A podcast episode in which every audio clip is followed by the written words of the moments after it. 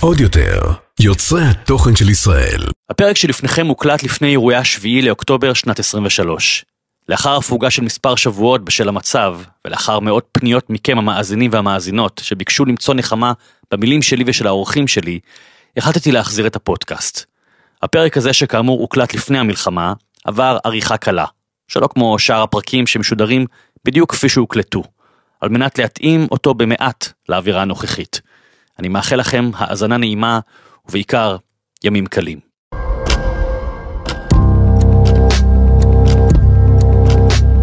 היי, וברוכים וברוכות הבאות לפודקאסט המעבדה להגשמת חלומות. האורחת שלי היום היא ההוכחה החיה לכך שיש כזה דבר שנקרא גלגולי חיים. רק שבמקרה שלה לא מדובר בגלגולי חיים אחרי המוות, אלא בגלגולי חיים בעודה בחיים. התחילה דרכה או שמא חלומה בתור זמרת בעיר ילדותה פתח תקווה, במסגרת להגת נוער, ומשם התגלגלה ללהקה צבאית, ומיד אחר כך מצאה את עצמה בהרכב מוזיקלי בשם מנגו, שכבש את המדינה אי שם בסוף שנות ה-80, ועדיין אנחנו על העדים עוד מאז. אחרי שהופיעה בשלל מחזות זמר והצגות תיאטרון היא עצרה הכל, הלכה ללמוד משחק. ומצאה את עצמה, לאחר סיום הלימודים, כוכבת בעולם הילדים והפעוטות. היא הייתה שותפה בעשרות הקלטות והפקות ילדים, והייתה מהדמויות האהודות והחיוביות בימי הופ קטנטנים. אבל אז היא שוב התגלגלה והפכה להיות מרצה לחיים בריאים וטובים ומאושרים, לא לפני שהסירה 30 קילוגרם ממשקל גופה.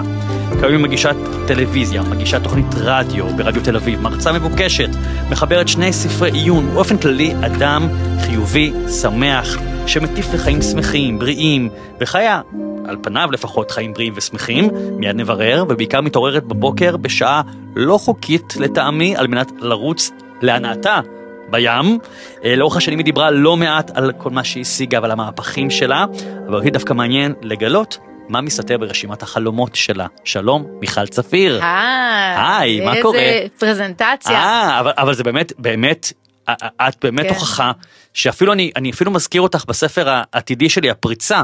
על הגלגולים האלה, זאת אומרת ש, ש, שזה אף פעם לא נגמר. נכון. אין, אין, אין איזה רגע שאתה אומר זה השיא. נכון. ואת באמת הוכחה, הגעת לשיא, תכף נפרק את הכל לגורמים, מנגו, שיא, טאק, שיא, הופ, ילדים, עניינים, טאק, שיא, כלומר, זה, זה, אני חושבת שההבדל בין ההתחלה שתיארת, כי אפילו אתה אמרת מצאה את עצמה, שבעצם ההנחה מצאה את עצמה, יש איזשהו משהו, וזה די נכון, פסיבי, זה כאילו, וזה די נכון, הייתי, הלכתי לאודישן, התקבלתי ללהקת נוער, הלכתי לאודישן בלהקה צבאית, אף אחד בעיר חוץ ממירי לא התקבל, שתינו התקבלנו. כאילו הדברים קרו. החלק הזה, בוא נגיד ה-17 שנים, 16 שנים האחרונים, אין בו שום דבר פסיבי. Mm. זאת אומרת, כל דבר הוא במודעות גבוהה שהולכת ומתחדדת mm. עם הזמן. אז עם הגיל גם? זה עם העבודה, mm. זה עם ה- הלמידה, עם העבודה הפנימית. הסק... העבודה הפנימית, עם כן. העבודה, וגם העבודה החיצונית, כי אם לצורך העניין החלטתי שאני מוציאה תיק, כן. במסגרת היותי מקדמת בריאות, תיק שעוזר לנו להתארגן, אז כל התהליך שעברתי בהוצאת התיק, כן, זה משהו שהוא לא כביכול עבודה פנימית, אבל הוא כן עבודה פנימית, mm-hmm. כי לחפש ולהתנגד, ועד שאתה מייצר, ואז כל כך הרבה דברים קורים בדרך, שאיך שלא תקרה, בזכות, באמצעי הדבר החיצוני, באמצעות הדבר החיצוני הזה, אני עברתי אה, תהליך פנימי. כן. אז... אה, וזה בעצם ההבדל. זאת אומרת, כל מקום שאני נמצאת היום זה לא מקום שהתגלגלתי אליו, זה מקום שבמודע בחרתי להיות בו על ידי דיוק, מה זה אומר חלום. שזה בעצם העניין. מהמם. אה, תראי, קודם כל את נוגעת בנקודה שגם יש פה עדויות בפרקים אחרים שהקלטתי, למשל סופי צדקה, שהייתה בפריים טיים ובחרה מבחירה לזוז הצידה אה, וללכת למוזיקה השומרונית, שהיא אגב רצה אה, בעולם, לירז צ'רחי, שגם עשתה הישגים, טלנובלות והישגים ופסטיגלים, ובחרה ללכת למוזיקה הפרסית ולהופיע איתה בעולם. ואני חושב שאחד הדברים אנחנו מכירים לא מהיום, ש... יש בינינו איזה חיבה, אהבה מרחוק, מקרוב, זה, זה גם אני, אפרופו, כמו שנבחרתי לשיר שלנו, נבחרתי לשמינייה, אבל באמת בחרתי ב-13 שנים האחרונות לעשות את מה שאני עושה כיום, את עולם התוכן, אבל לפני יפה, אבל אני רוצה לדייק כן. את מה, ש- מה שאמרת. כי מנגו הסתיים, כן, ועל פניו הייתי מפיקה, לא סתם מפיקה, מפיקה של תוכניות פריים טיים, בדיוק נפתח ערוץ 2, ואני מצליחה, ואני מוערכת, ואני מתוגמלת, אבל זאת לא הייתה באמת בחירה. מה הכוונה? מנגו הסתיים ואני הלכתי לאודישנים. אבל לא התקבלתי לשום דבר. זאת אומרת, בגלל שהייתי חייבת להתפרנס, ואני בן אדם חרוץ, ואני לא אגיד זה מה שאני עושה, אני אומנית, ועד שיגיע הדבר, כן. עשיתי את זה. והיות ואני חרוצה, גם אהבתי את מה שעשיתי, אבל זו הייתה, זאת הייתה בחירה קיומית. והיום, כמו שתיארת, יש קלטות ילדים, ועשיתי, ובאיזשהו שינוי פנימי שאני עברתי, ומפגש עם הקהל שהתחיל באולמות הילדים, מפגש של מה עשית ואיך עשית וסקרנות, ואני עונה לאנשים על שאלות, ובעצם אני מבינה שזה גורם לי הנאה, ואז אני אומרת, רגע, ממה אני נהנית יותר? מלדבר על הנושא הזה שאני עדיין לא מבינה מהו, את- את מדברת על המשקל, למי על שפספס. על, על בריאות, כי כשאנשים שאלו מה עשית, אז, אז זה אף פעם לא התמקד רק בתזונה. ברור. התחלתי לעשות פעילות גופנית, והלכתי ולמדתי, ו... ועשיתי עוד כמה דברים. אז, ואז אני מבינה שהדבר הזה שאני רוצה, זה להקשיב, להקשיב, לה, אוקיי, לאן אני הולכת? להרשות לעצמי לא לדעת, ולהבין שאולי אני רוצה דברים חדשים. בניגוד לעבר, שעשיתי את מה שעשיתי כדי לשרוד, כי הייתי כן. צריכה כסף, כן. ולא התקבלתי לשום אודישן, ולא קרה שום דבר. ונכון, מאוד מאוד הצלחתי, אבל אפילו לערוץ הילדים לא לקחו אותי להנחות, שזה חוויה אחרת. שאת יכולה אגב ממרחק הזמן וגם ההצלחה ל- ל- להגיד מה היה שם למה לא עברת את האודישנים לא הייתי טובה, לא התאמתי למקבל ההחלטות, שם היה לו vision, איך הוא רואה את האנשים שנמצאים שם, ולמרות שהייתי אמנם אחרי להקת בנות, אני חושבת שהיה בי משהו קצת אה, חסר ביטחון, מבויש, באמת לא ידעתי מי אני. היום שאני רואה איך דברים נבחרים, וגם אני יודעת מיואב שנחשף לאין ספור אודישנים, בסופו של דבר זה האישיות שאתה מביא, ומשהו שם לא היה מספיק בשל, זה, זה מאוד התאים למנגו. אבל יכול להיות שלדבר הספציפי הזה, לאותו בן אדם שהיה שם בעמדת קבלת ההחלטות, זה לא התאים. אז אולי לא סתם היית במנגו אולי צריכה להבשיל חד כמו משמעית. מנגו. לגמרי. אז לפני שנעבור על התחנות ונדבר עליהן, כי באמת יש לך כמה תחנות נורא מעניינות בחיים והחלטות שבעיניי נורא מעניינות והייתי רוצה אה, אה, להעמיק בהן וגם קצת לחשוף את רשימת החלומות העתידית שלך. אה, אני חייב להתחיל בשאלה ששאלתי אותך כבר כמה פעמים בפגישות, אבל אני, אוקיי. אני אף פעם לא זוכר את התשובה. ו- מה זה אומר? שאתה לא זוכר? לא, את זה לא, התשובה? זהו, זה לא קשור, זה לא קשור. האם לא- זה מעיד עליי או לא, עליך? זה לא מעיד עלייך וזה לא מעיד, זה אולי יותר מעיד על ההדחקה וההכחשה שלי. אוקיי. אבל איך לעזאזל עושים את זה? איך קמים בבוקר ויוצאים לצעוד ויוצאים לרוץ ו- ואיך עושים, אני יודע שאת נשאלת את זה כל הזמן, זאת שאלת מיליון הדולר. רק, כן. רק לפנייך הקלטתי כאן פרק עם ענבל גיבור, לא יודע מתי זה י- ישודר, לפנייך אחרייך, ש- שהחלום שלה הצנוע הוא, הוא אורח חיים בריא. והיא לא מצליחה. כן. אז אני יודע שזה זה משנה שלמה ובשביל זה צריכים לבוא להרצאות וסדנאות שלך, אבל לאדם שרוצה, יש בו רצון קטן. אני אשאל אותך אחרת. כן. למה אתה חושב שאני קמה בבוקר, מוקדם, ובוחרת להניע את הגוף? למה אני עושה את זה? כי כנראה זה עושה לך טוב. יפה. התוצאה, התוצאה וגם האקט עצמו. זאת אומרת, חלק מהעניין זה לזהות מה באמת באמת עושה כן. לנו טוב בטווח הקצר ובטווח הארוך. אז רגע, מה, מה עושה לך טוב? הריצה בים או להיכנס למכנס וחולצה שהולמים אותך, יושבים לך בול על הגוף? לא, זה ממש לא זה, כי לצורך העניין הרבה פעמים ירדתי במשקל ונכנסתי למכנסיים, הרי החיים שלי רוב הזמן היו אקורדיון. Mm. ובסטטיסטיקה אני נמצאת באותם שלושה אחוזים של אנשים שעשו איזושהי התפתחות, אני פחות מתחברת למילה שינוי, כן. איזושהי התפתחות והם מצליחים כל הזמן לשפר אותה ולשכלל אותה ולדייק אותה, וזאת, וזה הסיפור. כי אם אתה עושה את זה למען, לצורך העניין, בן אדם כותב ספר כי הוא מספר לעצמו, הוא הספר יביא לי הכרה, והנה הוציא את הספר והדברים לא קרו, כן. או לתחזק את הדבר הזה היה מאוד קשה. אז אני מבחינתי, זה, זה הקיום שלי. אני קמה בבוקר כי היום שלי נראה הרבה יותר טוב כשאני מתעוררת במיטה היום זה, זה באמת אני פשוט קופצת כן. מהמיטה באיזה שעה? אני מתעוררת ברבע לחמש היום. ספציפית זה היה בארבע וחצי אלוהים אדירים. אולי אפילו קודם אני גם קמתי השבוע בארבע וחצי כי כאבה לי הבטן, זה אבל ההבדל. תמיד הייתי טיפוס של בוקר יובל זה לא איזה משהו אוקיי. שהייתי טיפוס לילה בליינית סטלנית אף פעם לא הייתי. וזה אולי משהו שקשור למקום שבו גדלתי, גדלתי בבית מאוד מאוד קטן, מאוד מאוד רועש, ללמוד למבחנים בשקט, זה היה מוקדם בבוקר. Mm. מבחינתי אם לקום ללמוד למבחן בארבע, או ללמוד בארבע אחר הצהריים, ארבע בבוקר, זאת האלטרנטיבה. אוקיי. אז זה חוזקה שלי, זה משהו שהוא כמעט נטול מאמץ, לא הייתי צריכה לעבוד אז בשבילו. אם, אם אני אדם של לילה, אז את אומרת לי לרוץ בלילה? אני לא אומרת לך לעשות לא, שום דבר לא אומרת, ש... אני שואל, אני מבקש. אני אומרת שחיים בריאים ומשמחים ללא תנועה פיזית, המדע לא מצא לזה סימוכין. זאת אומרת, חלק מלחוות חיים שיש בהם שמחה, חייבים לכלול בתוכם תנועה פיזית. איזה תנועה? איפה, מתי, זה אישי. אני באופן אישי התחלתי באמת מאיזה עשר דקות פעם בשבוע. כשסביבי כולם הרימו גבה, כי האנלוגיה היא מה, עשר דקות פעם בשבוע, את לא תרדי במשקל, את לא שפרי את הכושר הגופני, אבל אימנתי את השריר של, אני מאמינה למילה שיוצאת לי מהפה, התחייבתי לעשר דקות, mm-hmm. ואני עושה את זה. בניגוד לכל הפעמים שנרשמתי לחדר כושר ולא הטרדתי אותו והיום זה כל, כל יום, כל יום את רצה? היום כל יום? כל יום אני עושה פעילות גופנית, אני, אני רק תראה את הצעדים שעשיתי אתמול, uh-huh. וזה רק בגלל אה, ריצה והליכה בבוקר, ואני בן אדם פעיל, uh-huh. תמיד. לא, מה זה תמיד? אבל היית, אה, סליחה, 30 קילו יותר. לא, אני מדברת בשנים האחרונות, uh-huh. בשנים האחרונות. אבל עצם העובדה שהתחייבתי למשהו, ממקום שהבנתי שזה חשוב, ומצאתי את העשר דקות, ומצאתי את הפעילות שאני נהנית. אני נהנית, אתה יודע, מלהיות עם עצמי. אני mm. נהנית מלהיות בשקט, אני נהנית, בהתחלה הייתי עושה את ההליכות שלי בכבישים ראשיים. זה היה בשבת בצהריים, יואב נמצא עם הבנות ואני יוצאת לאיזושהי סוג של פעילות. ולאט לאט פתאום אני נהנית להקשיב לתכנים, ואני אומרת, רגע, למה שזה לא יהיה קצת יותר מעשר דקות, אולי עשרים? יש מצב של פעמיים? Mm. מה, אשכרה להזמין בייביסיטר שתשמור על הבנות ואני האגואיסטית? תחשוב עם כמה אמונות מגבילות הייתי צריכה להתמודד כדי להבין כן. לא רק את, כל מי שמקשיב עכשיו, אומר, נכון. אומר את מה שאת אומרת, אומר, כן, אבל בבוקר אני צריכה להכין סנדוויצ'ים, אין לי פריבילגיה כמוה ברמת השרון לקום בשעה אה, חמש בבוקר וללכת כן. לים, אני צריכה להכין סנדוויצ'ים בחולון. נכון, גם אני, גם אני, אז בשנים שהבנות היו יותר קטנות, זה לא היה בחמש בבוקר, mm-hmm. זאת, זאת האמת. אבל אימנתי את הדבר, אחד, לזהות מה שעושה לי טוב, mm-hmm. לפנות לזה את הזמן ולהקדיש לזה את היצירתיות, כי לפעמים את נדרשת יצירתיות. איזה נערה חמודה שאני אומרת תקשיבי, אני אעזור לך פה, יש מצב שאת שומרת על הבנות, יאללה, באיזה יום זה מתאים לך. ברגע שהבנתי מה, השקעתי יצירתיות, זאת המילה, זה mm-hmm. יצירתיות, זה לא מש...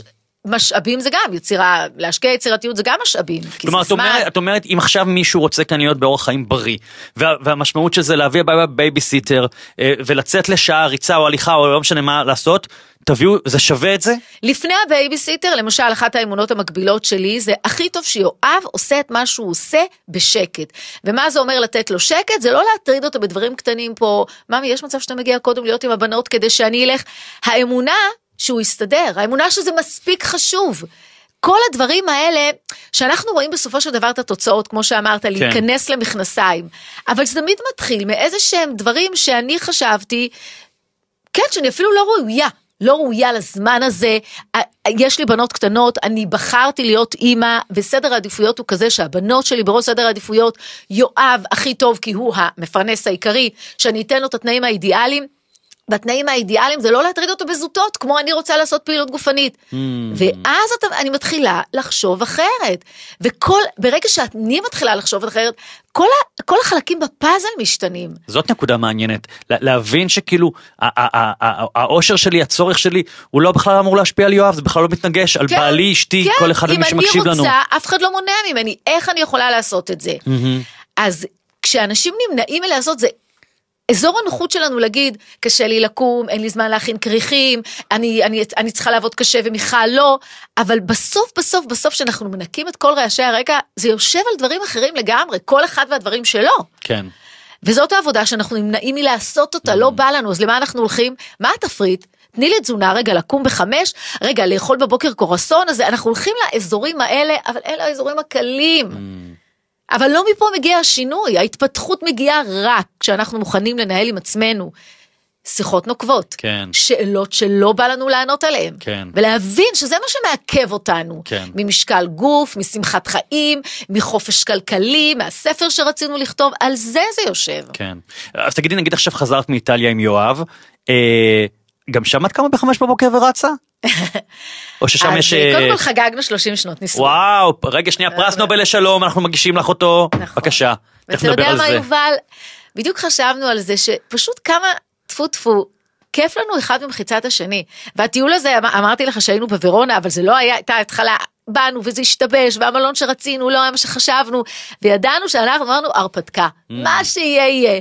ובאמת נזרקנו על הלא נודע והתגלגלנו לטיול ממש כיפי. עכשיו היקיצה הטבעית שלי היא מוקדם אבל מה שונה כשאני בחופשה עם יואב? כשאני בארץ הבוקר הוא הזמן שלי אבל כשאני עם יואב, הבוקר הוא של שנינו, ואנחנו עושים הליכה משותפת, ותמיד מוצאים שבילים חדשים, mm. ו... וכיף לנו לעשות את זה ביחד, אז הפעילות תהיה אחרת, ומי שעוקב אחריי באינסטגרם אז ראה שעצרנו באיזשהו מקום, ופתאום ראינו איזה מאמן כושר, והצטרפנו לאימון כושר של מישהו, ועשיתי אימון על הספסל, וכיף הסקרנות הזאת היא לגלות אחד את השני, ויואב יש לו את האימונים שלו, כן. יואב גם מאוד מאוד פעיל. לא, אבל זה לא רק זה, את אומרת פה, יש פה גם תמיכה, כי הוא לא אומר עזבי אותי באמא שלך, את אה, תעשי את זה, אני... לא הייתה מההתחלה. זה בדיוק מה שאני רוצה להגיד. אוקיי. הציפייה לחשוב שאנחנו מבינים משהו לגבי עצמנו והיקום מסתדר ותומך בנו. זה נחמד, אבל התומך הראשון הוא אנחנו בעצמנו. וההבנה שאני לא מכריחה אף אחד, אני בוחרת לעשות, אני שואלת את עצמי איך אני עושה את זה. יואב הצטרף באיזשהו שלב, אבל גם היום הוא עבר אפילו עוד שלב, ו- וזאת הדינמיקה, וזה הדברים שקורים. אה, אבל אני בוחרת לעשות את זה למען עצמי. לפני שמישהו מתלווה אליי, לפני שמישהו מסכים איתי, אני לא מבזבזת, גם ככה לקום מוקדם ולהשקיע בעצמי, זה דורש יותר מדי משאבים. אז לבזבז אותם על לשכנע מישהו אחר, מיותר. וכל מי שמאזין לנו, אני אומרת, אל תתעסקו בזה. זה סתם משאבים מיותרים שלאף אחד מאיתנו אין אה, אקסטרה. כן. במיוחד כשאנחנו עושים תהליכי התפתחות. אז אה, באמת הבנות עכשיו שאנחנו ככה זה ציינו את ה-30 שנות נישואים אז כל הזמן יש לי בת בת 24 מאיה שירה בת 22 וגילי בת 18 והם כל הזמן שואלות אמא אז איך אנחנו רואים אתכם? אז אני אומרת חלק מהעניין שאני חושבת זה לאפשר את הצמיחה הזאת. הרי כשאני עשיתי את השינוי יואב היה יכול להגיד ממי זה לא מתאים לי שאת קמה כל כך מוקדם ואת עושה רעש ותהיי בשקט. זה לאפשר אחד לשני לגדול. כן. ולגלות סקרנות לגבי הגדילה. כי זה לא תמיד בא טוב. אם פתאום אני מחסרת ביטחון, מישהי שפתאום יש בה ביטחון, סליחה שאנחנו הכרנו, היה הסכם לא כתוב, אני פה, את פה, ופתאום משהו השתנה בתוך הדבר הזה, הרבה פעמים זוגות לא מרגישים בנוח נכון. בתוך, בתוך הדבר הייתה הזה. סדרה מעולה, אולי את זוכרת אותה, של אה, גלית גוטמן, שנקראת בטבעת זו. אה, ארבעה פרקים, חפשו את זה ביוטיוב וכולי.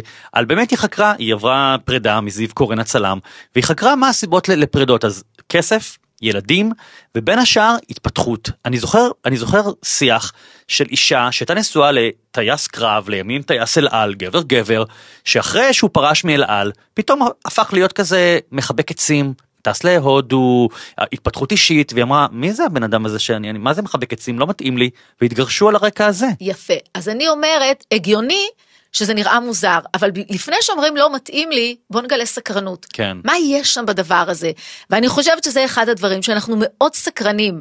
אז כש, אני אתן לך דוגמה, כשאני עושה את הפעילות הגופנית שלי בבוקר, ואני תמיד מקשיבה לאיזשהו תוכן, ואני חוזרת מאוד מאוד נמרצת באנרגיה גבוהה, תמיד יש לנו את הקפה שלנו בבוקר, אני מספרת ליואב, עכשיו רמת הקשב שלו, משהו לקח מזה, אבל תמיד תהיה איזושהי התלהבות ולהפך, ואני חושבת שזה חלק מהעניין. את לא חייבת להיות תמיכה, אבל לגלות עניין וסקרנות בעיניי, זה, זה התמיכה. גם אתה יודע, כשאנשים אומרים לי יציאה מהארון, מה חייבים לתמוך? אני אומרת, מה זה תמיכה? תמיכה זה לא, מה, את רוצה לפרוש מהלימודים מהמם? את לא רוצה יותר ללכת כן. לחוג הזה שאני חושבת שאת מאוד מצליחה בו מהמם.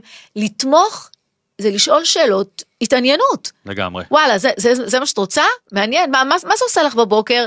מה, תגידי, וזה לא קשה לך ולא קר? עצם ההתעניינות מפתחת קרבה. וכשמישהו עובר איזשהו שינוי, אנחנו קודם כל רואים בזה איום עלינו, Mm. איום על הזוגיות, מה זה אומר, מה אני מאבדת, היה לי טייס, מה עכשיו יהיה לי איש רוחני? סליחה, אני התחתנתי עם טייס, וזה כן. משהו אחר שאני נשואה לטייס, ועכשיו אני נשואה לאיש רוחני, הום, זום, לא, לא, לא. אז זה תמיד פה, השינוי של מישהו אחר מפגיש אותנו מול עצמנו, מול הפחדים שלנו, מול חוסר הוודאות בתוך העניין, וזה חלק מההתפתחות בעיניי. לחלוטין, אני, ואני חושב שמילת המפתח בסופו של דבר זה לדבר. משהו שהולך ונעלם מהעולם. תקשורת. לדבר. לדבר. נכון. לדבר. נכון. אני, אני, אפרופו לדבר, אז אני רוצה לדבר איתך על מלא דברים, ואני רוצה רגע עוד שאלה אחת על המשקל, כי אנחנו ככה, אני זורם איתך עם השיחה. אה, אבל עניתי לך, כי פעם קודמת אמרת. שאלתי, לא, לא, לא, ענית לי. והבנת? כי אני אומרת, אם אתה רוצה לזוז, אה, אתה לא צריך לנעוץ את זה לא, לא. בבוקר אם אתה טיפוס לילה. אם היצירתיות של הכתיבה שלך היא בלילה, זה לא ריאלי שאחרי שלוש שעות שינה, תקום בחמש בבוקר. לא, ענית אבל מתי כן? ענית לי, ואני אגיד לך. מה, זה, לא, אה, לי יש את העבודה שלי כנראה במקום הזה עדיין לעשות, כי אפרופו ספרים, בואי, הספר התשע עשר יוצא, משמעת עצמית יש לי. כמו אגב למאזינים ולמאזינות, מישהי שיש זה לא לה... משמעת, אתה אחד האנשים הכי חרוצים שאני מכירה. תודה. ועם זאת, עצלן אתה לא. תודה, ועם זאת, בנושא הכושר, אני לא רוצה להגיד כישלון, כי אני לא מדבר בהצלחות וכישלון, אני מקרטע. אני, יש תקופות. יש אתה לא אפליק- מתקדם לא מתקדם. לד- לדבריך. לא מתקדם, לא מתקדם. אוקיי. ו, ו, אז לפעמים אני אומר לעצמי, אולי כי טוב לי, אולי, אולי כי זה בסדר לי ארבעה קילו, ואני לא, וזה בסדר. אם המנוע שלך הוא ארבעה קילו, אני כבר אומרת לך, חבל על הפעילות הגופנית, לא יורדים במשקל בפעילות יש, גופנית. אני משוחרר. לא יורדים, בדיוק עכשיו חברי הטוב צחי כנען, שהוא מסיים את הדוקטורט שלו, זה מחקר שהולך לעשות הרבה מאוד רעש, פעילות כן. גופנית היא לא זאת שמורידה במשקל, זה תזונה, כן. נטו. כן. אז אם זה המוטיבציה לא, אבל ככל שאנחנו מתבגרים ללא פעילות גופנית, זה לא, ים אני של. מחלות, שיווי אני משקל. עיבוד מסת שריר, העצם, נפילות, אתה לא רוצה להיות שם. אז, אז אני מסכים איתך. אז אני- שהמוטיבציה לא תבוא מארבע כן, קילו. כן, כן, כן, לא, אני מסכים איתך. אבל אני רוצה רגע לשאול אפרופו משקל, ובזה נסיים את סוגיית המשקל, כי יש עוד מלא מה לדבר. כשאת מסתכלת לאחור, על אותה תקופה שהיית עם אקסטרה 30 קילוגרם, אה, מה שם, אה, אה, מה, מה היה שם? אה, איך זה קרה? היה נוח. פשוט היה נוח לא להתאמץ. ה- האורח החיים היום הוא כזה שהכל נורא זמין, ונורא, ויש בשפע. ואני לא התברכתי באותם מנגנונים שאני אוכלת רק כשאני רעבה. וזה נהיה דפוס שאני אוכלת כי אני עצבנית, ואני אוכלת כי אני עייפה, ואני אימא לשלוש בנות, ואני מתוסכלת, והנה הם הלכו לישון, איזה כיף, זה החלום שלי, יאללה מול הטלוויזיה, פופקורן, ושם נמצא האושר והשמחה, ואני מוקפת אנשים הנחמה. שחושבים בדיוק אותו דבר כמוני. כן. ו... וזהו, וזה מה שקרה. וכדי לעשות מה, זה כמו, אם אני לא אטפח את הגינה, יצמחו בה עשבים שוטים. עשבים שוטים זה, זה דיפולט, זה קורה גם בלי מאמץ. Mm. כדי שהגינה תהיה מטופחת, צריך להתאמץ. אז ה-30 קילו האלה הגיעו, כי מעל גיל 20, אם אתה לא משנה את התזונה, גם אם אכלנו אותו דבר, נעלה קילו. כן. אבל אני לא אכלתי אותו דבר, אני אכלתי הרבה יותר, אז עליתי הרבה יותר. אז זה, זה הרוב הגדול. כמה זה הטריד אותך? כמה זה זמזם לך בראש? מאוד. מאוד, הרגשתי לא טוב. תחשוב שגילי נולדה, הבת הצעירה שלי, הדבר הראשון, ואני כבר הייתי עם סוכרת של הריון, הדבר הראשון שעשו זה לקחו אותה לבדוק שלה אין סוכרת. Mm. ההבנה שעוד ברחם, אני השפעתי על העתיד שלה, זה השפעה בריאותית, זה לא משהו שכיף לחיות איתו. אז אני אומרת, אוקיי, את עשית את זה, וזה, וזה יכול להתגלגל, וזה יכול להימשך, וזה יכול גם להיעצר. להגיד לך שהבנתי בהתחלה מה עשיתי לו. בהתחלה עשיתי את מה שידעתי. עוד פעם, אני מתמקדת בתזונה ואני משנה, אבל אני לאט לאט, בזכות זה שאני מוסיפה את הפעילות הגופנית, אבל לא הפעילות הגופנית כפעילות גופנית, הפעילות הגופנית כמשהו שאני אומרת, שנים ירדת במשקל, ואמרת, הנה, זה, זה לא, את לא תהליך חזרה, ועלית. כאילו, תכלס, אין ערך למה שאת אומרת. את אומרת, אבל את כבר לא מאמינה לעצמך. ואמרתי, לא, למילה שלך יש ערך. בדיוק כמו שאתה אומר, אני כותב ספרים, אני עושה, איך זה יכול להיות שבכל כך הרבה תחומים, אני כזאת אישה של מילה, ואני לעולם לא אאכזב מישהו אחר. וזה נהיה עניין של בשגרה שאני מאכזב את עצמי? לא. אז בואי, במה את כן יכולה לעמוד? עשר דקות את יכולה לעמוד? יאללה. וזה היה חצי שנה, יובל. אנשים מתחילים פעילות גופנית, ואחרי חצי שנה עושים מרתון. עד היום לא עשיתי מרתון. אבל המרתון שלי, זה שאני עושה את זה שנים רבות ומשפרת את זה כל יום.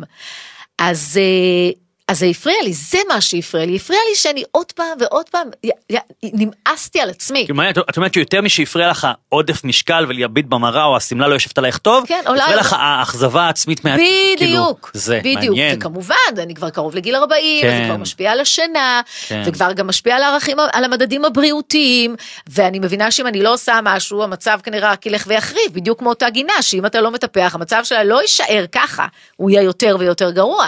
כמו בית שאתה מזניח. כן. אז את כל הדברים האחרים אני לא מזניחה, לא את הזוגיות, לא את האוטו, לא את הבית, לא את הילדות. אז אותי, ומי מזין את כל הדבר הזה? אני.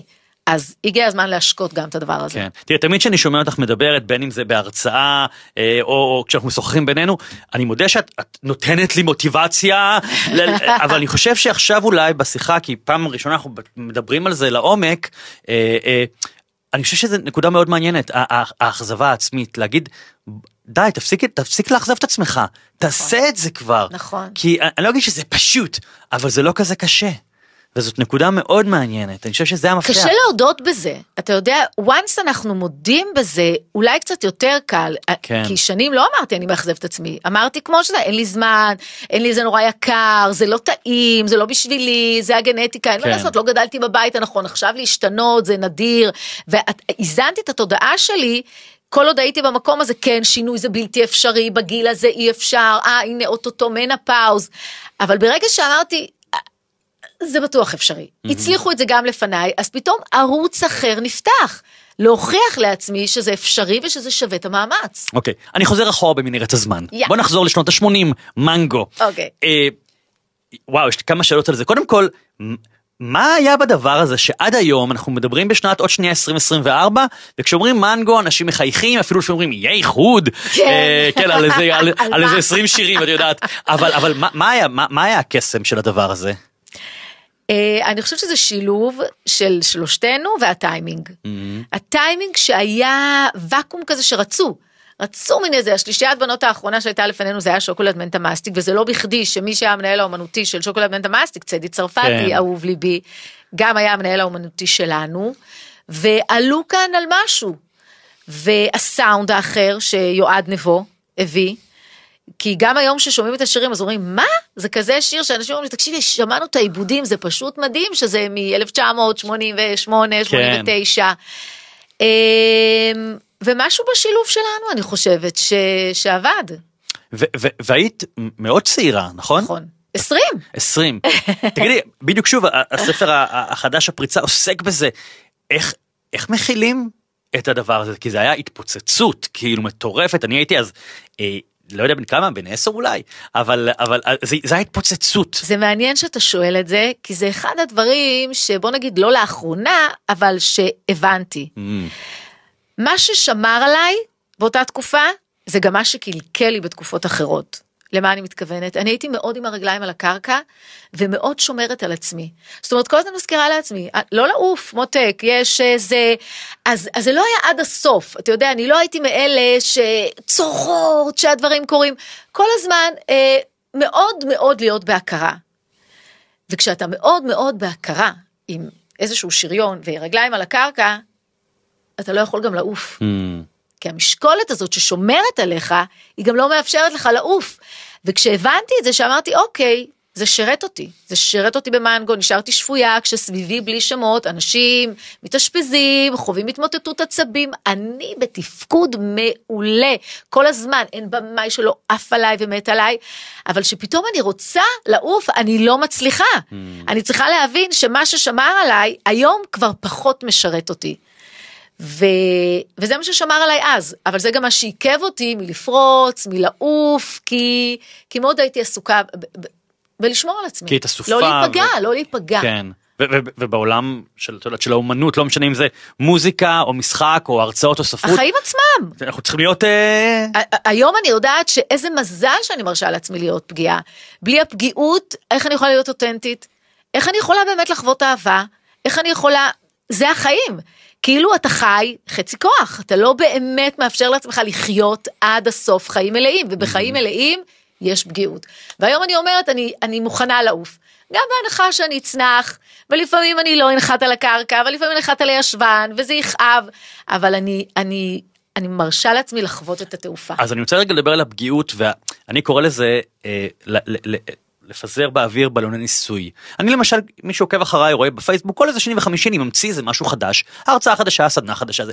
יש כאלה שיש להם ביקוש והופכים להיות מוצר דגל ויש כאלה שאין הענות ואני פשוט גונז כלא היה. את מרשה לעצמך לעשות ניסוי וטהייה בתוך העשייה שלך? לא, אפילו לא מתקרב למה שאתה עושה. אני אוקיי. הרבה יותר זהירה. Mm, ואני שואלת את עצמי למה. אני חושבת שעשיתי, עשיתי דברים כאלה, ואחד הערכים שלי, אני מאוד אוהבת את החופש. את החופש ואת הפניות, וכל פעם שעשיתי את הדברים האלה, לי, זה גזל המון המון מהחופש ולא תגמל אותי באמת. זאת אומרת, זאת הייתה עבודה מאוד מאוד קשה, ולמכור, וניהול אנשים, וגיליתי שאני לא אוהבת לנהל אנשים. זאת אומרת, אם באיזשהו שלב אני חשבתי שהתעופה תהיה סדנאות יותר גדולות, ועוד מוצר, ועשיתי מוצר דיגיטלי, אז יהיה לי 20 מוצרים דיגיטליים. התפעול של כל הדבר הזה לא גרם לי הנאה. ויכול להיות, כמו כל דבר חדש, שהוא לא גרם לי הנאה, כי זה, זה דבר חדש. ורק כשאתה מתאמן עליו הרבה פעמים, הוא נעשה יותר קל. אבל לא הייתה לי את המוטיבציה להשתפר בזה. העדפתי ללכת למקומות אחרים ולנהל עם עצמי שיחות, אוקיי, עשיתי, עשיתי הרצאות, אולם אלפי אנשים. ויצאתי לטיולים והיה לי חופש. באמת באמת, מה, איפה נמצאת יותר ההנאה? וגיליתי מה, מה גורם לי הנאה, ואחרי שעשיתי דיאטה לעצמי, דיאטה שם כן. קוד, עשיתי דיאטה לעסק, והבנתי מה אני אוהבת. מעניין. שחררתי את העובדים. היום אני עובדת מול איש אחד ויש לי עוד שלושה אנשים על הפיירול, גיליתי איפה הדברים שמסיבים לי הכי הרבה שמחה במובן של, אה, אה, אתה יודע, מה אני, מבחינת הזמן שלי והרווח שלי, שם זה נמצא. אז ממה נפרדת ומה השארת? דבר אחד. נפרדתי מלפתוח קופות, זה כמעט משהו שאני לא עושה. נשארתי עם הרצאות וסדנאות שאני מעבירה בארגונים, אני עובדת עם, יש לי את רפי אגיב, שאנחנו עובדים בעבודת צוות נהדרת, וביחד אנחנו ממציאים כל מיני דברים. אני עושה הרבה שיתופי פעולה עם כל מיני דברים, אבל זה חייב להיות משהו שהוא בערכים שלי. ברור, ברור. עכשיו יגידו לי, ואוכל בגלל זה זה כמעט ולא קורה, כי אין מה לעשות. ותוכנית רדיו, ולפני כמה שנים יש לי מין איזה כלי כזה של פלחים, מין שני גלגלים כאלה, ואני, הגלגל הפיזי והגלגל המנטלי, ואני אומרת בגלגל הפיזי יש את האוכל ואת השינה ואת הפעילות הגופנית, ובגלגל המנטלי יש התפתחות אישית וזוגיות וחברה, ואני אומרת הגלגלים האלה צריכים להיות מנופחים, למה אני קוראת מנופחים? איפה אני נמצאת מ-1 עד 10. ביחס למקום שאני רוצה להיות. נניח אני רוצה לעשות פעילות גופנית, ומבחינתי רוצה לעשות פעילות גופנית זה שלוש פעמים בשבוע, ואני עושה כלום. אז אני אחד או אפס. ובאיזשהו שלב הבנתי שאחד הגלגלים שאני, או לפחות הפלח שלי נורא חשוב לטפח, זה חברים ומשפחה. Mm, מצאתי את עצמי כל הזמן אומרת, יואו, אני נורא עסוקה, לא, אין לי זמן, וגם נורא התאהבתי בטייטל שאני נורא עסוקה ואין לי זמן, ואמרתי, זה לא מספיק חשוב לך. אין לי זמן זה שם קוד ללא מספיק חשוב לי. כן. כשמשהו לא מספיק, וכי אני יכולה להגיד אין זמן, אבל פתאום תהיה לי הצפה בבית ואני אמצא את עצמי יושבת ומחכה לאינסטלטור. אני אומרת אין לי זמן, אבל אם הבת שלי פתאום חס וחלילה קרתה איזה תאונה, אני מפנה את הזמן ואני הולכת ומשקיעה בה. אז אם זה כל כך חשוב לי, הסיבה שאני לא, זה, זה, זה סיפור אחר. ואתה לא מבין כמה שמחה נוספה לי לחיים. שאני ממש, אני, קודם כל, אם פעם קודם כל הייתי כותבת, אוקיי, איפה הסדנה, היו לי סדנאות כן. כאלה של ארבעה מפגשים, שמונה מפגשים, היום הדבר הראשון שאני אמלא בלוח, זה מתי אני נוסעת, Mm. ואיפה אני עם יואב, ומתי אני עם הבנות. זה קיבל תעדוף, וזה תגמל אז- ביג טיים. קודם כל אני מאוד מסכים איתך ואני... וזה דייק אותי, וגם מבחינה. כלכלית, האבסורד הוא כן. אבל, שמבחינה כלכלית, הרווחתי הרבה יותר. Mm. שאני הייתי סביב הזנב של עצמי, ומחזורים נורא נורא גדולים, אבל רווח יחסית הרבה יותר קטן, שלא נעים היה לי להודות בזה. כי המחזורים והעובדים והמשכורות ומודלים לתגמול וכל הזמן אני מגייסת עובדים ומבחוץ וואו מה זה נראה אבל אני כאילו חלק מלהודות כמו אז להגיד בלוף מילא את עובדת על אנשים אחרים אבל את עובדת על עצמך אז בואי בואי תנקי את הרעש מה באמת את רוצה לעשות. אה, דברים מאוד מאוד יפים, אמיצים וחכמים. אני מתחבר לזה כי יש הרבה בלוף בעולם הזה, לאו דווקא בעולם האימון, בכלל, המון המון בלוף, המון העמדת פנים.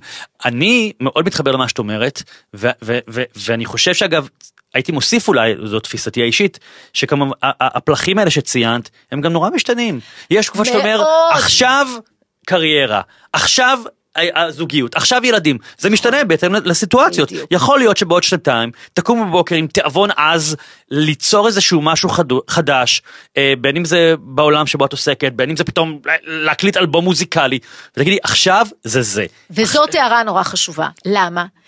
כי לפעמים את, אני, או אנשים מקבלים החלטה ומתאהבים בהחלטה. כן. זאת אומרת, אני עכשיו החלטתי שאני רוצה זה. ואז פתאום אני אומרת, רגע, אבל נורא מדגדג לי. רגע, אז מה זה אומר? מה זה אומר שעכשיו המשפחה לא חשובה? זה כן. אומר שאני בן אדם שמשתנה.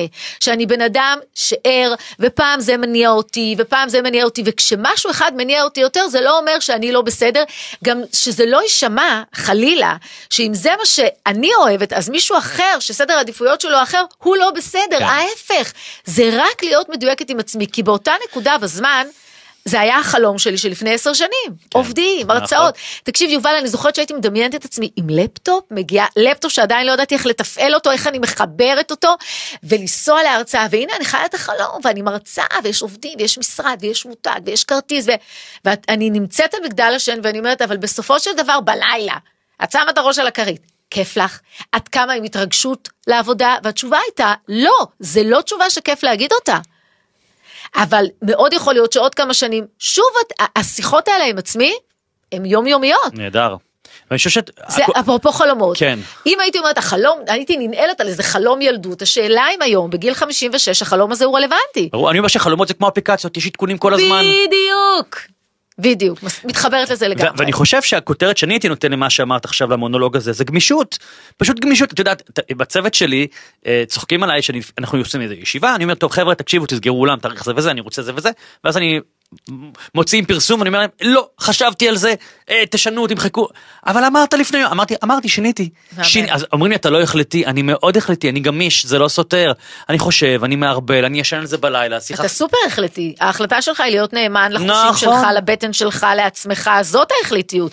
אנשים חושבים שהחלטי זה אמרתי וראש בקיר, לא.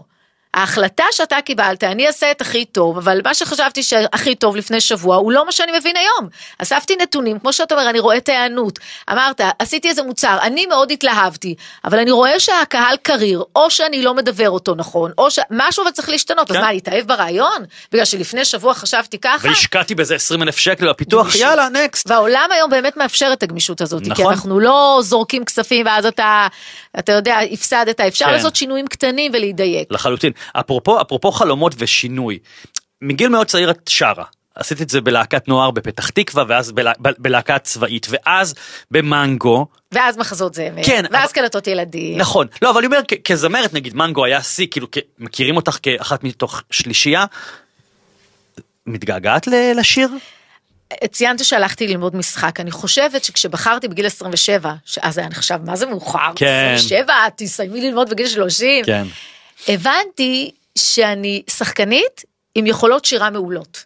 צדי תמיד חולק עליי, הוא אומר לא, את זמרת מעולה ושחקנית מעולה שהוא כזה חמוד, אבל אני באמת לא, לא, חושבת שהשילוב בין השניים, כי אני לא זמרת במובן שאני יוצרת או כותבת את החומרים, והיום אני בכלל בשלב מתקדם, הרי חלק מזה שאני נמצאת על הבמה, הבנתי שבכלל מה שאני אוהבת זה את התקשורת הזאת, את הדיאלוג עם הקהל, אז היו תקופות שהדיאלוג היה לעמוד ולשיר, או להשתתף במחזמר, והיום הדיאלוג עם הקהל הוא, אני גם יכולה לשיר לפעמים פתאום בתור, תוך כדי הרצאה, אבל אה, זה עוד כלי ביטוי שלי, שירה, אבל אם השאלה הזו שאני מתגעגעת, לא. ש- גם, גם הצורך הזה עם הקהל הוא מאוד מסופק אצלי. כן, שאני חושב שזה, שוב, זה מאוד לגיטימי, לאנשים נורא קשה להבין איך אנשים, בוא נגיד, מפורסמים. היא ויתרה, כן, היא התחשרה. כן, אבל בסדר. תראי, לנו יש אה, חוליה מקשרת בינינו שזה יואב, כי יואב אה, ליהק אותי לשיר שלנו, ואת יודעת, הייתי בשיר שלנו, ובשמינייה, ובפיג'מות, ובאמת עשור של טירוף הטירופים, את היית, אה, מה שנקרא, לצד הדבר הזה, אז את, את יודעת. ובוקר אחד הרגשתי שרביתי מזה, שזה כבר לא מרגש אותי לומר משפטים שלא אני כתבתי שהם נפלאים, כתבו אותם נפלא, אורי גרוס, לא מדבר אליי. אבל באמת יש לך המון המון מתנות, יובל. ואם שאר המתנות שלך חוזקות, תקרא לזה איך שאתה רוצה, כן. לא באים לידי ביטוי, אז ברור שהייתה בך איזושהי בעירה פנימית, אני הכי יכולה להבין את זה. כן, לא, אני יודע, תראה, בגלל זה אני מעלה את זה. אמרנו אנשים... וזה לא רק את ואני, אני אומר גם מי שמקשיב לנו עכשיו. נכון. את עובדת, ב, את מקשיבה לנו עכשיו, את עובדת בתור עורכת דין, ואת אומרת ליבי כבר לא פה, כמו שבגין אמר, איני יכול, יכול יותר. אה, אז, אז אני חושב שזה, גם אם אתה עורכת דין שלמדת שבע שנים וזה, אבל ליבך עכשיו בקולינריה, כי זה, את עושה בבית עוגיות, אז ליבך אחרי העוגיות. הרי אמרת, כשאנשים שומעים, אז לפעמים מסדרים לעצמם את הראש ואומרים, אה, הוא לא הצליח, אז הוא ויתר, אז כן. הוא התפשר. גם אתה מכיר את זה, הרבה פעמים אנשים מדברים עליך, אבל הם בעצם מדברים על עצמם, Mm. כן. דרכנו. כן. וגם אני, כשאני למשל מגיבה אימפולסיבית למישהו, אני, אני לרגע משתאה ואני אומרת, רגע, למה אמרת את זה? יש מצב שאת מקנאה? Mm. יש מצב שזה מה שהיית רוצה? או יש... זה ברור לי שהאמירה שלי עליו דיברה אותי. Mm. זו הזדמנות עבורי לזהות מה בי אני רוצה, באמצעות מה שהרגשתי, או כן. מה שהסיפור הזה עורר בי. אגב, אני לא יודע אם את יודעת, אם את- זוכרת. מה? לי זה היה רגע מאוד משמעותי בחיים. אבל את ואני כבר נפגשנו כשהייתי בן 11. די, כן. 11? 11. לא, אבל את- אוקיי. אני זוכר, את לא זוכרת, כי את כבר היית במנגו. אני הייתי בן 11 והייתי עם אמא שלי, לא זוכר למה, במלון דן פנורמה בתל אביב. אוקיי. ואנחנו נכנסנו למעלית ביחד, אתם נכנסתם עם השמלות המוזרות שלכם, של שנות ה-80. טוטואים כן, כאלה אולי אתם. הופעתם שם באיזה זה חלטור. לא היה קשור לשנות ה-80, זה פשוט היה הטעם של צדי, אוקיי, שהוא אוקיי. באמת היה לכם כל מיני. כאלה כזה, ועליתם במעלית, ואני, וזה היה באמת שיא השיאים, שנות ה-80, מנגו היה הדבר הכי גדול במדינה, ואני פעם עליתי עם אמא שלי, ואני כזה רואה אתכם, מסתכל, ואתה כזה. אמרת לי, שלום, אמרתי לך, שלום. אז נפגשנו כבר אז. יפה. את זוכרת? לא. אני לא... לא, ברור שאת לא נפגשנו זוכרת. כל הזמן. נו, ברור, ברור. אבל הנה, זו דוגמה שאני למשל, תמיד, לא הייתה לי בעיה. לחלק מאיתנו הייתה בעיה עם העניין הזה של להיות נחמד ואנשים כן. וזה. אני ידעתי ליהנות מזה בזמן אמת, לא בדיעבד, ואהבתי את החיבוק הזה והאהבה, וזה לא הטריד אותי והכל היה בסדר. זה חשוב מאוד, את יודעת, כש- כשהייתי בשיר שלנו, אחת השחקניות, אה, אה, טלוויזיה זה, זה עבודה מאוד קשה, אנשים כן. לא יודעים את זה, כמה, כמה שעות, זה יום צילום, זה 12, 14, 16 שעות, אה, טייק אחרי טייק, לפעמים אתה ממתין 7 שעות בשביל להגיד משפט. הייתה לי סצנה עם איזה שחקנית, אחר כך אני אגיד לך אחרי ההקלטה, ישבנו בספה ב- ב- באולפן, זאת אומרת ב- ב- בסט, אה, קאט קאט זה זה עיכובים, והיא כזה מקטרת אוף אוף אוף אוף, ואני אמרתי לה, את יודעת שמה שכרגע קורה לנו זה מפעל הפיס? את יודעת שאנחנו נתגעגע לזה ביום מן הימים? ו... והיא לא ידעה להעריך את זה בזמן אמת. ואתה פוגש כל כך הרבה אנשים, שוב, אני לא, זה לא רק אני ואת, אנשים גם מקשיבים לנו עכשיו, שלא מעריכים את הכאן ועכשיו, אומרים וואו, אני עובד בעבודה שווה, אני כאן באולפני עוד יותר, וכל יום מגיעים לי פה אנשים מעניינים ל- לאולפן, ואני פוגש אנשים ואני מקשיב להם ואני לומד על הדרך, אוף, יש לי עוד הקלטות. בוא נלך על משהו סתם. אפילו יותר בסיסי, שאתה ואני דיברנו. כן, הרבה פעמים אנשים, רק שנלקחת להם היכולת לזוז, כן. הם פתאום אומרים, יו, אבל כל השנים שיכולתי לזוז, איך לא עשיתי עם זה שום דבר? Mm. והם פתאום מתעוררים שכבר הגוף הוא לא, לא כן. מתאפשר, ופתאום יש פציעה, ופתאום... אז עצם העובדה, לפני ההישגים והאולפנים, אנחנו רואים, כן. אנחנו שומעים, אנחנו נושמים. תחשוב בעודנו מדברים כמה אנשים החזירו את הנשמה שלהם, כן. אז אנחנו...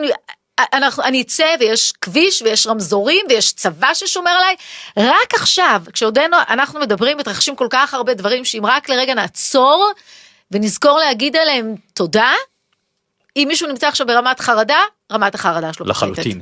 לפני שניגע ברשימת החלומות שלך בחלק האחרון שלנו, רק עוד איזושהי סוגיה אחת שאני הזכרתי את זה בספר, יש משהו מאוד יפה שאהבתי אפרופו פתחתי את הפרק הזה עם גלגולי החיים שלך, שבאמת היית זמרת, ואת עדיין זמרת, אני לא אוהב שאומרים היית, אבל הכרנו אותך כזמרת, ואחר כך הכרנו אותך כשחקנית, ועכשיו מכירים אותך אה, בכל התחום הזה של באמת החיים הבריאים. אה, ואני חושב שמשהו שהוא מאוד יפה, שאני מזכיר בספר הפריצה, זה שאני יודע שכשהתחילו להגיד לך, איך חזית, מה קרה, איך זה, הבנת שיש לך כאן משהו ביד, לעבוד איתו. אמרת אוקיי, נעבוד על זה. ואני יודע שניסית, סיפרת לי פעם, ניסית, פנית לכל מיני גופי שידור, בוא נעשה משהו, בוא נעשה, ואמרו לך עם כל הכבוד, בסדר, ירד במשקל, תודה רבה, ואת מיכל צפיר, תודה רבה, ביי, שזה גם נקודה חשובה. כי תמיד אומרים, אה, הם מפורסמים, אז להם קל להפך, למפורסמים יותר קשה, כי כבר יש תבניות, היא, היא, היא כזאת, היא לא יכולה כזאתי.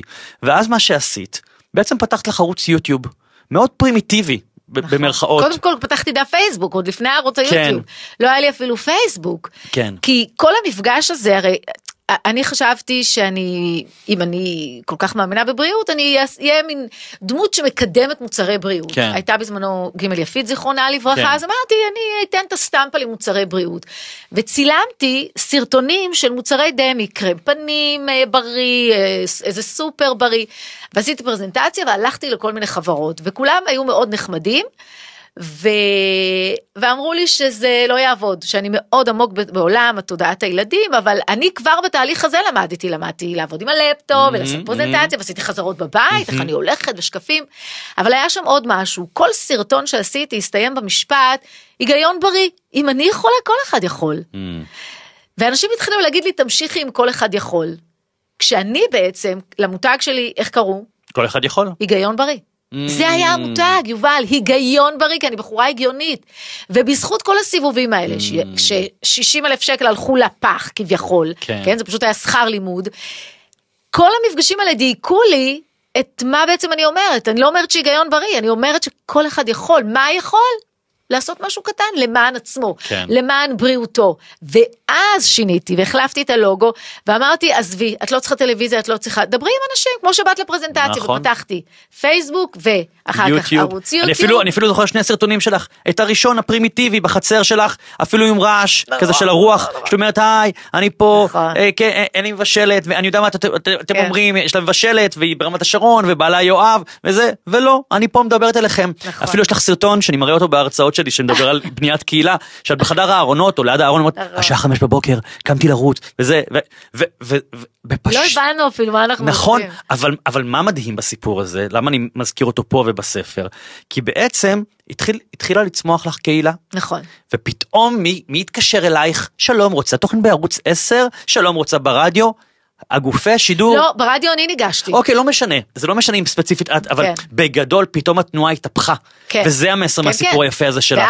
וה- הספרים שכתבתי זה בגלל שאמרו, אז אולי תכתבי ואולי תאגדי את זה, ואז פתאום ביקוש להרצאה. בעצם התחילה איזו תנועה בזכות הקהילה, כן. שכל דבר שעשיתי זה בעצם בא לתת איזשהו מענה לצורך שהרגשתי כן. שקיים. אבל, אבל הסיפור הזה הוא סיפור יפה, כי, כי אני אומר שוב, מישהו אחר במעמדך, כבר היית מיכל צפיר, עם יכולות כאלה כלכליות, עם קשרים, זאת אומרת, סליחה, אה, לא רוצים לתת לי, לא צריך ביי. לא, לא נעלבת, אולי, אולי חזרת לפעמים הביתה מתוסכלת ומיואשת, בטוח זה קרה וזה לגיטימי, בוודאי. אבל, כי זה אנושי, אבל אמרת, אוקיי, אני אכנס מהדלת האחורית למרות שאני כבר מיכל צפיר, וזה מדהים בעיניי, וזו אחת הסיבות שאני אוהב ומעריך אותך. תודה. כי, כי את באמת בנית את עצמך, ולכן פתחתי את הפרק הזה וזה קשה. עם סיפור הגלגולים. וזה קשה, שלא יישמע לרגע שזה הכל כיף, כי שוב אני אומרת, ילדות קטנות, ו- והלא שאתה מקבל, וכל פעם, הרי לכל מפגש כזה, אתה כבר, זה כמו שממלאים כרטיס לא טוב, אתה כן. מדמיין כבר את השחייה, אז כל מפגש כזה, את אומרת, כן, והנה זה יקרה, ועוד פעם לא, ועוד פעם לא, וזה מכניס עכשיו. ברור שמפעם לפעם דייקתי את הדברים והבנתי גם עם עצמי ו- ואני שמחה על הדרך, ש- כן. על האופן שבו הדברים קרו. והמפגשים שהכרתי והאנשים שפגשתי בדרך וחברים שלי שעד היום שזה עם כל הגלגולים האלה זה בכלל לא היה קורה. כן. אבל אה, אני אוהבת את זה יובל אני פשוט כמו שאתה אוהב וזה לא משנה אם יקנו את הספר או לא יקנו כמובן שיקנו לגמרי. אבל זה זה איזשהו צורך שאני מצטלמת בבוקר בחמש ומשתפת אנשים בפעילות הגופנית אני אני פשוט אוהבת את זה לא יכולתי לעשות את זה אם לא הייתי אוהבת את זה כן. אתה לא עושה את זה בשביל מישהו ברור. זה בשביל עצמי ברור, וזה ניכר, ומי שחושב שזה זיוף, ולפעמים האשימו אותך בזיוף והעמדת בסדר. פנים, אז לא, אז לא מבין. ואמרתי את זה הבוקר באיזושהי פגישה, באנשים שלא אוהבים אותנו לא נוכל לנצח אף פעם, רק את אלה שאוהבים נוכל איתם לגדול.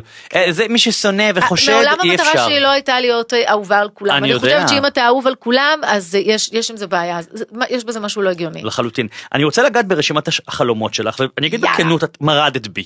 כי, כי, כי כל מי שמגיע לפה מקבל הנחיות, לכתוב רשימת חלומות, ואת אומרת לי, אפשר לשנות את הפורמט? אני אומר לך, לא, סליחה, זה כמו שאני אבוא ליואב, אני אגיד לו, אפשר לשנות את הפורמט של כוכב אם הבא? היית אומר נו. לפני 20 שנה, מרד ואני במשפט אחד, זה היה אוקסימורון, כי אז- אני הכי מרצה. אז תראי איך אז אני התפתחת. רואה איזה, איזה, בדיוק, כן, מרדת בי. אמרת לי, שלחת לי איזה רשימה כללית, אמר, אמרתי, את יודעת מה אמרתי? אני זורם איתך, כן. אני סומך עלייך. כן. וכתבת, אני מצטט, החלום הוא אריכות ימים בבריאות טובה, מוקפת משפחה, חברים וחיים משמעותיים, אני חושב שיש לך את זה בגדול. הדרך משתנה בהתאם לגיל ונסיבות החיים, דיברנו על זה. אם כרגע המשפחה אה, כוללת את אימא של יואב שהיא חולה, אז החלום הוא כמה שיותר זמן במחיצתה. אה, ובאמת אני אתעכב כאן כי כי, כי את יודעת לפעמים האנשים שמקיפים אותנו הילדים ההורים האבא אימא של אה, משהו משתבש זה, זה, איך אני, אני רואה אפילו שהעיניים שלך כבר מתחילות לדמוע. נכון, כי זה משהו שהוא קשה לי. ההורים שלי כבר לא בחיים, ויואב ואני כבר הרבה שנים ביחד, ויעל היא דמות משמעותית בחיים שלי, והיא חווה עכשיו קושי, וכן, וזה החלום שלי, להיות כמה שיותר במחיצתה, ושהילדות שלי ייהנו ממנה כמה שיותר, ו... וזה כן, זה חלק מסיפור החיים, אין מה לעשות. אז... אה, תראה, גם עם ההורים שלי, אפרופו גלגולים, היו כל מיני גלגולים. וכש... ואני הייתי מאוד קרובה לאימא שלי, ואימא שלי נפטרה הרבה שנים לפני אבא שלי. ומערכת יחסים היה שאימא שלי ואני מאוד מאוד קרובות, ואבא שלי נתפס הרבה פעמים כמישהו שיותר דואג לעצמו. אבל לשמחתי, הצלחתי לשים את מה שאני חושבת עליו בצד, ובחרתי בשבע שנים האחרונות, שהוא היה בחיים, להכיר אותו, ולגלות סקרנות, ולבוא ולהכיר את הבן אדם, לא את מה שאני חושבת על הבן אדם. וגיליתי אבא מדהים, שמה שאני פירשתי, אגואיזם, זה פשוט היה אבא ש... שרצה, שרצה הרבה יותר מהחיים, שרצה הרבה יותר לעצמו. כל התפיסה שלי לגבי הזוגיות של ההורים שלי השתנתה, ואיזה כיף שעשיתי את זה כשהוא היה עדיין בחיים. זה השקיט בך משהו? ומאוד, מאוד, מאוד, כי כל הזמן אמרתי, זה לא משנה מה אני חושבת, אני צריכה להכיר. והדרך היחידה להכיר זה לשהות במחיצת בן אדם ולשאול אותו שאלות ולהתעניין בו ולא במה שדמיינתי. אבל איך מצליחים, כי את יודעת, החלום הזה או הרצון הזה להתפייס עם מישהו, ואת יודעת, אני תמיד זה אומר, אפילו לא היה ברמת פיוס, כי מעולם לא היינו להכיר. אותו, לא משנה. כן. אה, אה, אה, את יודעת, כי אני תמיד אומר שכולנו חיים בטלנובלה, אין אדם עלי אדמות יובל- שאין לו בן דוד, סבתא, דודה, אח, אחות, שהם איתם קלאש. אז אני אסביר לך. החלטתי הכי טכני. כמו הפעילות הגופנית. אני בעצם עכשיו, אני אומרת את זה פעם ראשונה, משהו שאני מבינה. כמו שהחלטתי עם הפעילות הגופנית עשר דקות, החלטתי שיהי מה, יום שישי, אני נוסעת לבלות עם אבא שלי. גם אם אני אשב שם ואני אשתוק. גם אני עושה את זה, ומזה זה התחיל. וזה בהתחלה היה, לא בא לי, מה עכשיו אני זה, אבל אמרת, את הולכת. זה התחיל ממשהו טכני לחלוטין, ולפעמים אנחנו חושבים שיבוא לנו, ויהיה לי מוטיבציה, ואני צריכה לחכות שיהיה לי מוטיבציה, ואני אעשה פיוס, ו... לא, זה התחיל מזה.